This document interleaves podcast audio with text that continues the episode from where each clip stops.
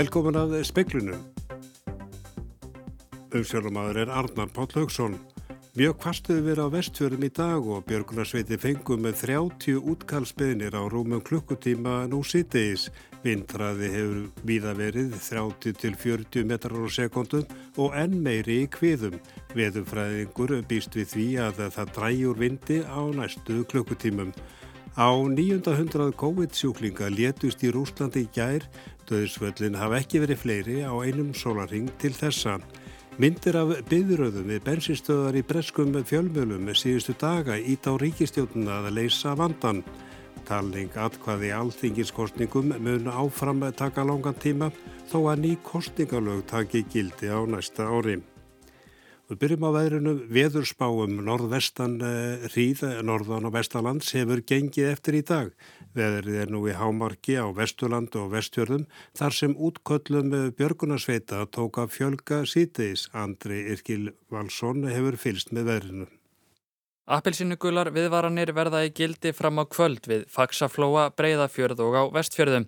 Fjallvegir á Vestfjörðum eru víðast hvar lokaðir og eins er lokaði yfir Holtavörðu heiði og víða á Snæfellsnesi. Rafmagn fór af öllu Ísafjörðadjúpi rétt fyrir klukkan þrjú og viðgerðarflokkur fyrir af stað vegna strömleisis í ketildölum þegar veður lægir. En það náði hámarki á Vestfjörðum nú síðdegis og í kjölfarið fór útköllum Björgunarsveita að fjölga. Davíð Már Bjarnason er upplýsingafulltrúi landsbjörgar. Það breytist svona aðeins takturinn í þessu þegar að byrja að kvessa svolítið uh, rétt fyrir fjögur á Ísafyrðu og svæðinu þar í kringkana. Þá svona bókstallega í, í klukkutíma ringdi svolítið inn aðstofabeginum vegna rók uh, fóktengdra verkefna og, og björgunarsveitir voru sendar út í, held ég, hátt í 30 verkefni þarna á okkur um einum og hálfum klukktíma og um fjögur þá byrjuði líka að koma tilkynningar um hérna, vasselga og syklufyrir. Það var vatnfara flæðin ykkur kjallara og björgunarsveitir og slökkulið á staðinum hafa verið að sinna því núna svona alveg síðan hann um fjöguleiti. Veðrið er annars að mestu gengiði niður á Norðurlandi en síðdeis lokaði lauruglan á Söðarkróki svæði af nærri Söðá eftir að krapastýbla myndaðist í áni en það hætti við tjóni þegar flaumurinn fer af stað. Sigur Jónsson, viðfrængur, er komin inga til mín. Já, þetta er alveg sæmilega stór kvellur. Já, þetta er, þetta er búið að vera mjög kvast og einhverjum á vest, vestfjörðum vindraði millir 30-40 metrar sekundi þar sem hann hefur verið mestur og, og ennþá meiri kveðum, þannig að þetta er búið að vera mjög, mjög vant veður. En hvernig viðra núna og hvert verður framaldið? Það er ennþá, ennþá mjög slæmt á vestfjörðum en það fer nú að draga úr þessu nokkur hratt næstu klukkutímana. Lagða miðjan hún er svona verður að þoka sér yfir vestfjörðina í, í nótt og, og, og inn á breyðafjörðin þannig að þetta fer nú svona úr þessu allir saman þegar að, þegar að líður á, á kvöldu og nóttina og alla viðvarnir ætti að vera dotnar úr, gildi á, á miðnætti. En kannski ég spyrja, er, er komið mikil snjór og árættir að hverfa? ég, ég er nú ekkit vissum að ney eftir að hverfa sko. Það er, er nú engi líendi hjá okkur framöndan þannig að við getum nú alveg gert ráð fyrir því að, hérna, að snjórin haldist svona þar sem hann, þar sem hann er komin. En hvað með höfuborgarsvæðinu? Já, við, það var nú verið að spáði að e, það ætti að koma mjög kvass vestanátt hérna inn á, inn á höfuborgarsvæðið svona setnipartin og í kvöld sko með, með jafnvel hríðarveðri.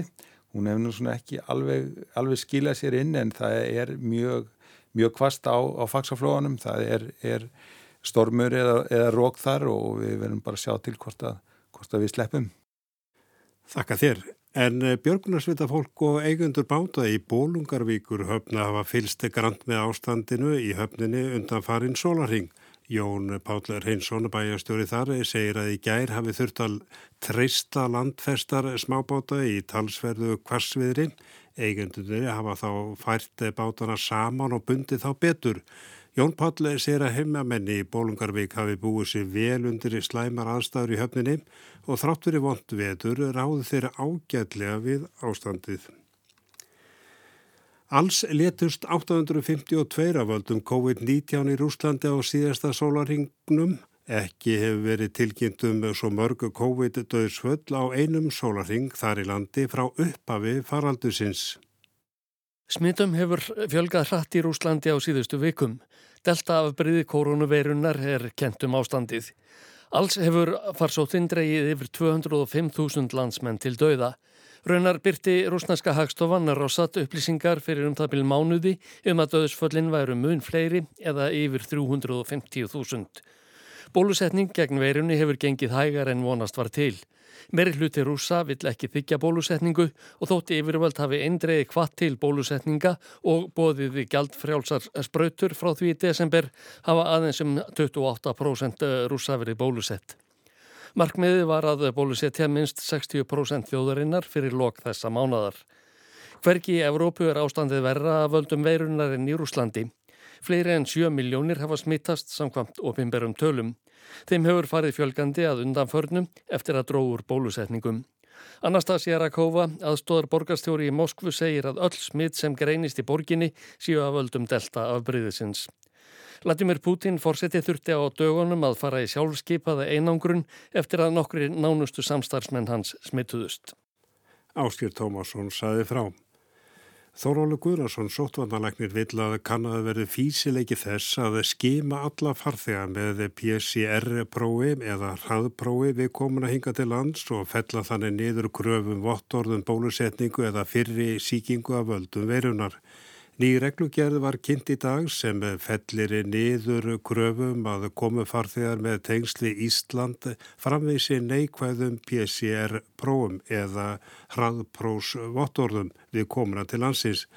Það tekur gildi 1. ótóber.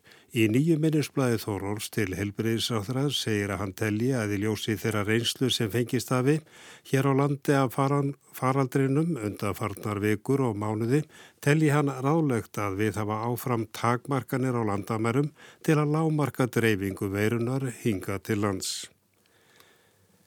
Guðmöndur K.R. Gíslason, framkvæmdastjóri skotfélags Reykjavíkur vonast til að Reykjavíkuborg geri rástafanir til að hægt verða að opna skotvöll félagsins í Álsnesi aftur. Heilbriðis eftirliti gerði félaginum að stöðva stassimi á vellunum í gær án tafar.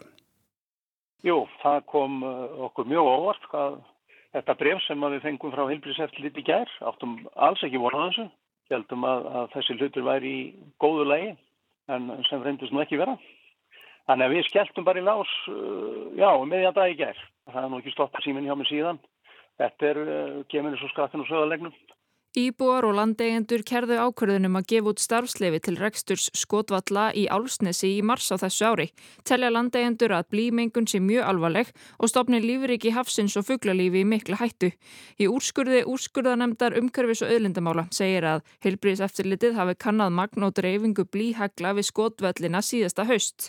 Niðurstöðunar sínduð að hlutfall blíhagla væri herra en búist máttu við út frá upplýsingum frá skotfélagunum. Þar er eh, náttúrulega í að því að við höfum uh, logið til um notkunarsvæðinu, ég hann vísaði því til föðurhúsana strax, reyndar hefur það verið svo að blí hefur ekki verið bannað á svæðinu.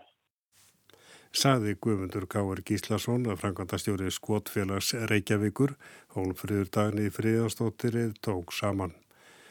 Reykjavíkuborg áformar að setja fóti fjóra nýja leikskóla í vetur sem rúma 340 börn. Skóla og frístundarað samþykti áformin á fundi sínum í dag. Leikskólarnir sem verða í færanlegum einingum geta tekið á móti 340 börnum. Sá fyrsti opnar í november og sá fjörði í mars. Þeir verða á ekkeskutu við Barónstík, Nautólsveg og í Vogabíð. Skúli Helgason er formaður skóla og frístundarsviðs. Þetta er svona stærsta einstaka aðgerð sem að hefur ráðist í borginni, já, minnstakosti frá því fyrir hrun. Það mun muna verulega um þetta. Er búið að manna alla þessa leikskóla? Það er búið að manna sagt, eh, leikskóla stjórastöðunar og, og núna fer á stað vinna við að manna þær stöður sem á upp á vantar. Leikskólanir eru hugsaði sem tímabundu lausn á meðan unnið er að skipulagi og hönnun á framtíðarhúsnaði. Hvað þá átlað að þetta verði starfart lengi hver eining? Það verður svolítið mismunandi en, en hérna við erum að tala um eh, nokkur ár að lámarki fimm ár myndi, myndi ég halda en í einhverjum tilvíkum þá sjáum við fyrir okkur að þessar einingar síðu þá að, að nýtast þar til að þessi stóru leikskólar okkar opna sem eru til dæmis í voðabiðinni, skerjafyrði og, og víðar. Sagði skúli Helgarsson og Magnús Geir Eyjálsson sagði frá.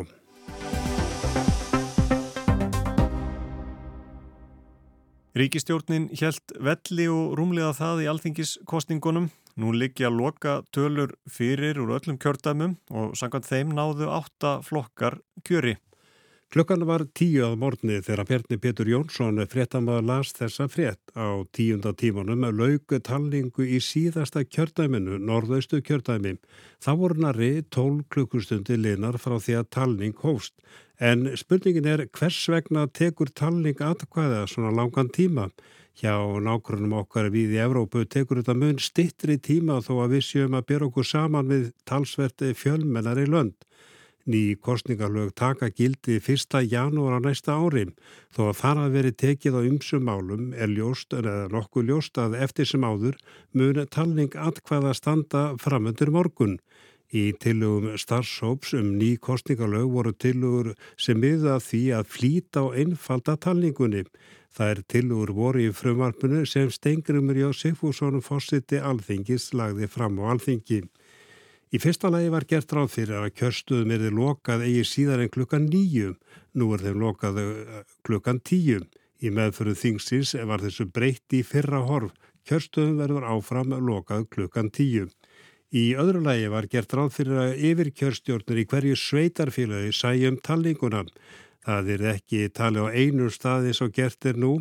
Reyndar hefur verið heimilt að telja fleiri stöðum en það virðist vera liti á það sem neyðar úrræði.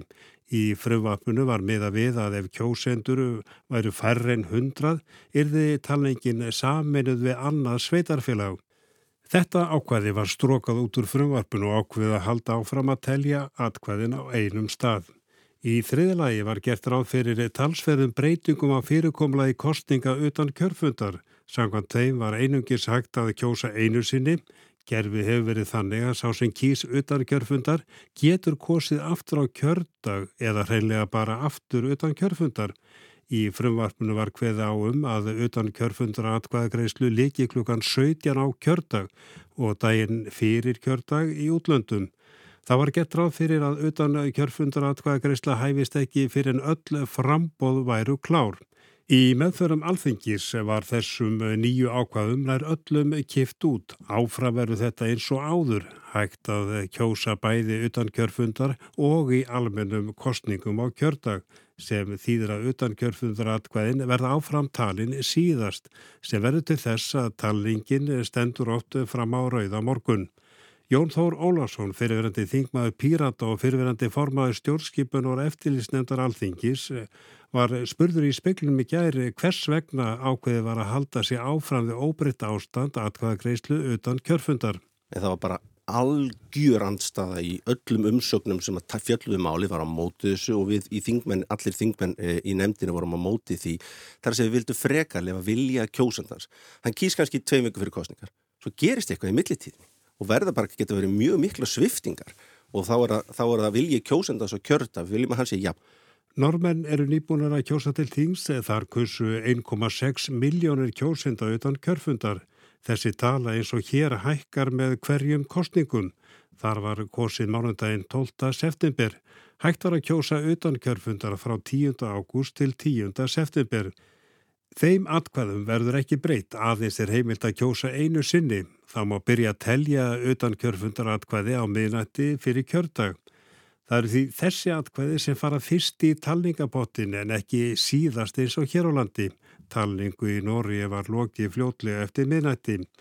Magnús Karel Hannesson satt í starfsóknum sem vann tilugur um ný kostningalög og það er ljóst að frumarpunum var mikið breytt og en þýðir þetta ekki að talningin mun ekki ganga hraðar þó að ný lög taki gildi. Jú, það er skilningu minn að eh, það raunverulega breytist ekkit frá því sem það er í dag þannig að, eh, að við mögum búast við þessu áfram e, tilhugurnar okkar gengur náttúrulega út á það að reyna að flýta talningunum meðal annars með því að breyta utan kjörfundar atkvæðagreifstunni þannig að mann kísu bara einu sinni annarkot í utan kjörfundar eða þá kjörfundi. Og það myndi flýta mjög mikið e, meðhöndlun þeirra atkvæða að geta byrjað að skoða þau strax en þurfi ekki að býða eftir því að, að kjörfundi ljúki og, og til þess að skoða þá hvort að menna við þá gósið aftur á kjörfundinu. Og, og vel að merkja að í nýju kostningalögunum er gert ráð fyrir því að uh, utan kjörfundar aðkvæða greiðsla hefjist ekki fyrir en að loknum frambóðsfrösti. Þannig að uh, fram, framvegis uh, þá vita menn hvaða listar eru í bóði. En núgildandi lög sem að korsið er eftir í síðasta sinn að, að þau gera ráð fyrir því að utan kjörfundar aðkvæða greiðsla hefjist löngu áður frambóðsfrösti líkur og, og þá er kannski þessi möguleiki að fólk geti korsið aftur vegna þess að, að þá kemur í ljós hverjir eru í, í bóði. En nú er það þannig að þetta gengur, já, víðast hvar hraðar fyrir sig. Við vorum að fylgjast með kostningum í Noregi og svo voru kostningar í Danmörku en uh, munur þar er kannski sá einmitt að það er talið á mun fleiri stöðum í Danmörku í síðustu þingkostningum uh, var, var kosið hvað á 1384 stöðum. Þetta flýtir mikið fyrir og talningi tók bara fjóra og halva klukkustund. Já, já, og það var náttúrulega meðal annars í okkar tilhugum að, að eh, hætta að telja miðlægt í hverju kjörtemi fyrir sig heldur að telja í, út í sveitarfélagunum að fjela þetta verkefni yfir kjörstjóðnum sveitarfélagana. Eh, þar með þarf ekki að vera að keira atkvæðum eða flytja þau einum með einum hætti um langan veg e, á einn ein talningarstað heldur er þetta gert út í sveitafélagunum og, og það líka að vera þá með færri atkvæði e, og minni bunga á bakvísi lítur að auka svona möguleikjan á því að, að, að að segja, stifta tíman og, og, og auðvelda allar afstemningar heldur en eru kannski í, í, í dag með það sem að eins og í suðu kjörðum eru 30.000 atkvæði sem að menn eru að höndla á einum, einum stað. Verkværakista loftslagsvætni sveitarfélaga var opnið á dögunum. Þetta er vef gátt með allskynns tólum fyrir sveitarfélag til að útbúa loftslagsstefnu. Ekki setna vætna því stemtir að því að sveitarfélag verði búin að skila umhverfistofnun loftslagsstefnu fyrir áslokk eftir þrjá mánuði. Þetta er tölverð skýrt sangat lögunum hvað þessi loftastefna á að ganga út á. Þetta þarf að vera doldið aðgjera miðað þannig að eh, við miðum við að þessi loftastefna byggja á einhverju losuna bókaldi og inn á verkværakistinni sem að skipti semst í ytri og innri vef og þá geta sveitafélagin farið inn á þennan innri vef og, og reiknað út sína losun. Og við stiltum þessu verkefni upp þannig að þetta virkar doldið vel með og passar við starfsemi sveitafélaga. Þannig að hvers sveitafélag sem að skráu sig inn á innrivefin getur bóðið starfsmennum sínum aðgengi sem að eru til dæmis í mismunandi rekstreiningum sveitafélagsins og þar geta starfsmenn sundlöga eða leikskóla eða hvaðina skrá sig inn og, og sett inn ákveðna upplýsingar og þá meti þá losum þessara rekstreininga. Eh, svo líka þetta að setja bara inn eina tölu fyrir sveitafélagið og, og fengi þá þessar losun sem er ætlunna að lofstastefnum byggja á. Þetta er eigerður Margreitardóttir sérfræðingur í umhverfismálum og úrgangsmálum hjá sambandi íslenskra sveitarfélag. Loftslagstefnan sem sveitarfélagin að skila á næstu mánuðum næraðins til rekstrar þeirra sjálfra en eigerður vonar að það verði hægt að útfæra verkefnið frekar og nýta það fyrir samfélagið allt og ekki bara losun heldur aðlugunað loftslagsbreytingum og ímus önnur loftslagstengt mál. En þetta er fyrsta skrefið. Það er nefnilega svo að fjölmörg loftslagstengt mál lenda á borði sveitarfélaga. Nú þegar hefur fjöldi sveitarfélaga skráðsug í verkefnið loftslagsvætni sveitarfélag meðal annars Múlaþingu og Kópavóksbær. Í verkverkistunni á ytri síðunni þá er í raun og veru öll þau gögg sem þarf til þess að móta loftastefnu. Það, hún er bara aðgengilega öllum og opinn og, og það er líka svona bara ákveldis viðmiðum að, að mynda og móta stefnu per sig, svona ákveðin bara grundvölda reglur sem er gott að fylgja. En svo er það líka að þarna er hugmyndabanki fyrir sveitafjöli sem að hvernig er þetta úr losun og þetta er svona alls konar hérna, aðgerið sem að, hérna, er, eru nefndar þar sem er bara mjög gaglegar og, og vekur fólk til ummjöksunar í svona rekstri eins og, og sveitafélög þar sem er bara mjög viðtækur og mjög breytilegur. Þetta eru hugmyndir eins og að veita starfsfólki aðgangað rafhjólum fyrir stittri vegalengdir, nota rafbíla ef hægt er, vist hæfa legubíla og bílalegubíla, hætta kaupum á einnota rekstrarvörum, skipta yfir í LED-lýsingu þar sem kostur er og útbúa leðbynningar til að draga úr matarsóun. Ég finna alveg að það er mun meiri áhuga á þessu málflokki heldur en ofta áður og sveitafélagin eru mörgverð fara að hugsa mjög mikið í þessar áttir. Þetta er náttúrulega mikið ákall frá almenningi og unga fólkina að grýpa til aðgerri loftasmálum og, og það er alveg klálega að, skila sér inn í svona, þetta samtal um ímis mál.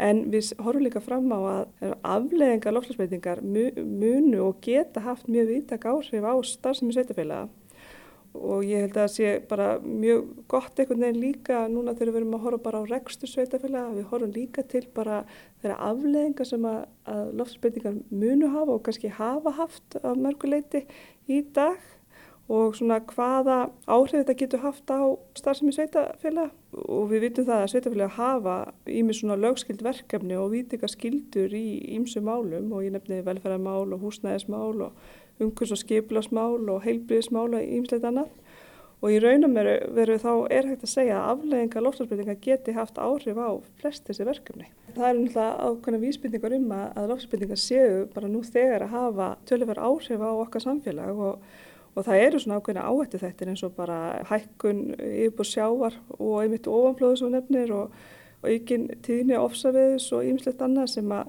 mun reyna á svona ákveðna innviði sem að sveitafélagin ber ábyrð á og ég nefndi til dæmis bara orku og vass og fráveitu til dæmis og, og þetta samgöngur og annað sem að við kemur sveitafélagunum. Eigerður bendir á að skipulagsmál séu hryggjarstykkið í því að draga úr losun og aðlagast loftslagsbreytingum. Nú sé ríkisvaldið og fleiri búið að átta sig á því að það þarf að vinna með sveitarfélagum og horfa til stjórntækja þeirra. En mér láka líka eins að nefna að ef maður horfi bara til eh, hinna Norðurlandana þá er líka, eh, hefur maður séð að er oft mikið samstæðan millir ríkis og sveitafélagi í loftlasmálum. Maður horfið til loftlasbókald sem vorum að ræða á þann að, þá til dæmis í Noregi þá geta sveitafélagi þar farið og, og inn á svona versaði eins og við erum, vorum opnað núna um daginn og, og séð í raun og veru svona áallega losinu í, í sínu, á sínu svæði og það er raun og þá tengist í raun og veru bara heildar losun norska ríkisins og, og svona unni með það og á þessari vefgátt sem að sveitafélagi í Noregi geta hérna nálgast að það er hægt að skoða svona mismunandi breytingar á fórsöndum til dæmis á ferðaminstri og ýmislega svoleiðis og hvað mismunandi ákverðanir í, í samgöngum til dæmis hérna, getur skilað í, í samdrætti losun og svona geta kannski líka búið sér saman við meðalósun annara sveitafélaga í Noregi. Og þó svo við sem bara horfa til e, í raun og veru rekstur sveitafélaga núna í dag og þá er maður auðvitað hérna að horfa til þess að það mætti vel stækka verkefnið og, og svona einhvern veginn að útværa það betur og maður svona hefur væntingar um að þessi verkværi ekki stað tengist í raun og veru bara þessi loftastarfi sveitafélaga almennt að það verði ekki til hérna einhver bútarsömmur hér og þar heldur en að þetta verði svona miðstöð sem að hérna, sveitafélag geta sótt um sem er að ætla sér hérna, mikla hluti í, í loftasmálum. Þetta var eigerður Margretadóttir, Ragnhildur Tólarsíus talaði við hana.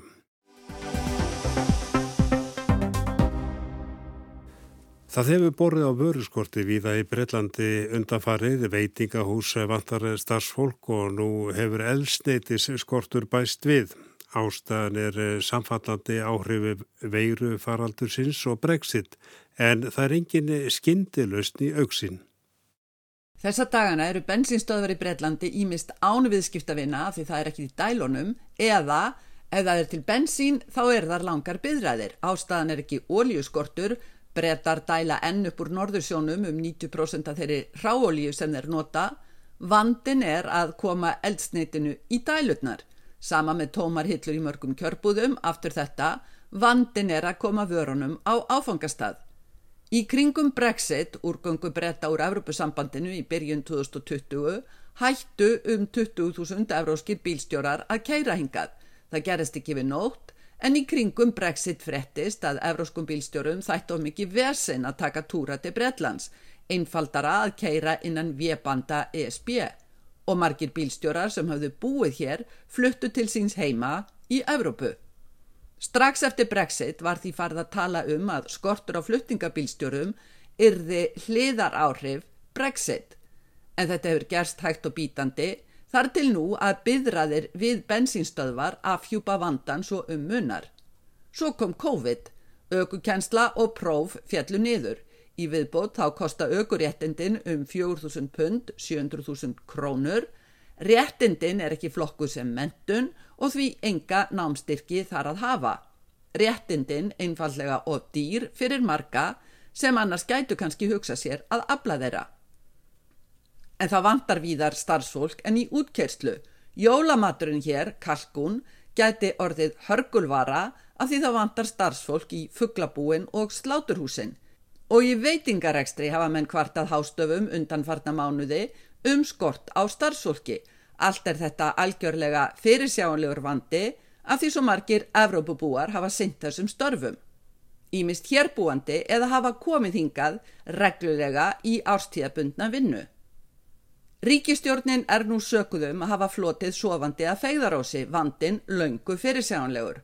Ráðinn frá ríkistjórninni og ymsum þingmönum íhjálpsflokksins undan farin miseri hafa verið að það þurfi bara að borga betur fyrir þessi störf og þjálfa fleira fólk.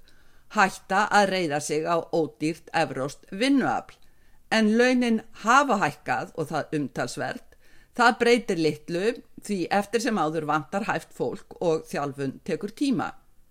Þegar byðraðnar í vikunni gerðu vandan svo sínilegan, kendi George Eustace umhverfisráð þeirra almenningi um. No bensín en fólk væri að kaupa eldsneiti að nöðsynalösu. The only uh, reason we don't have petrol on forecourts is that uh, people are buying petrol and they don't need it. Umali ráðherrans vöktu strax mikla gremju. Í kjálfarið sagði talsmaður fórsætsráðherra að nei, skorturum var ekki neytendum að kenna. Ríkistjórnin hefur ekki viljað tengja eldsneitis og vöruskortin við Brexit en aðrir er á öðru máli. Edvin Atema, formaður sambandsflutningabílstjóra í Hollandi, var ekkit að skafa af því þegar hann rætti við fréttakonu Breska ríkisútarpsins. The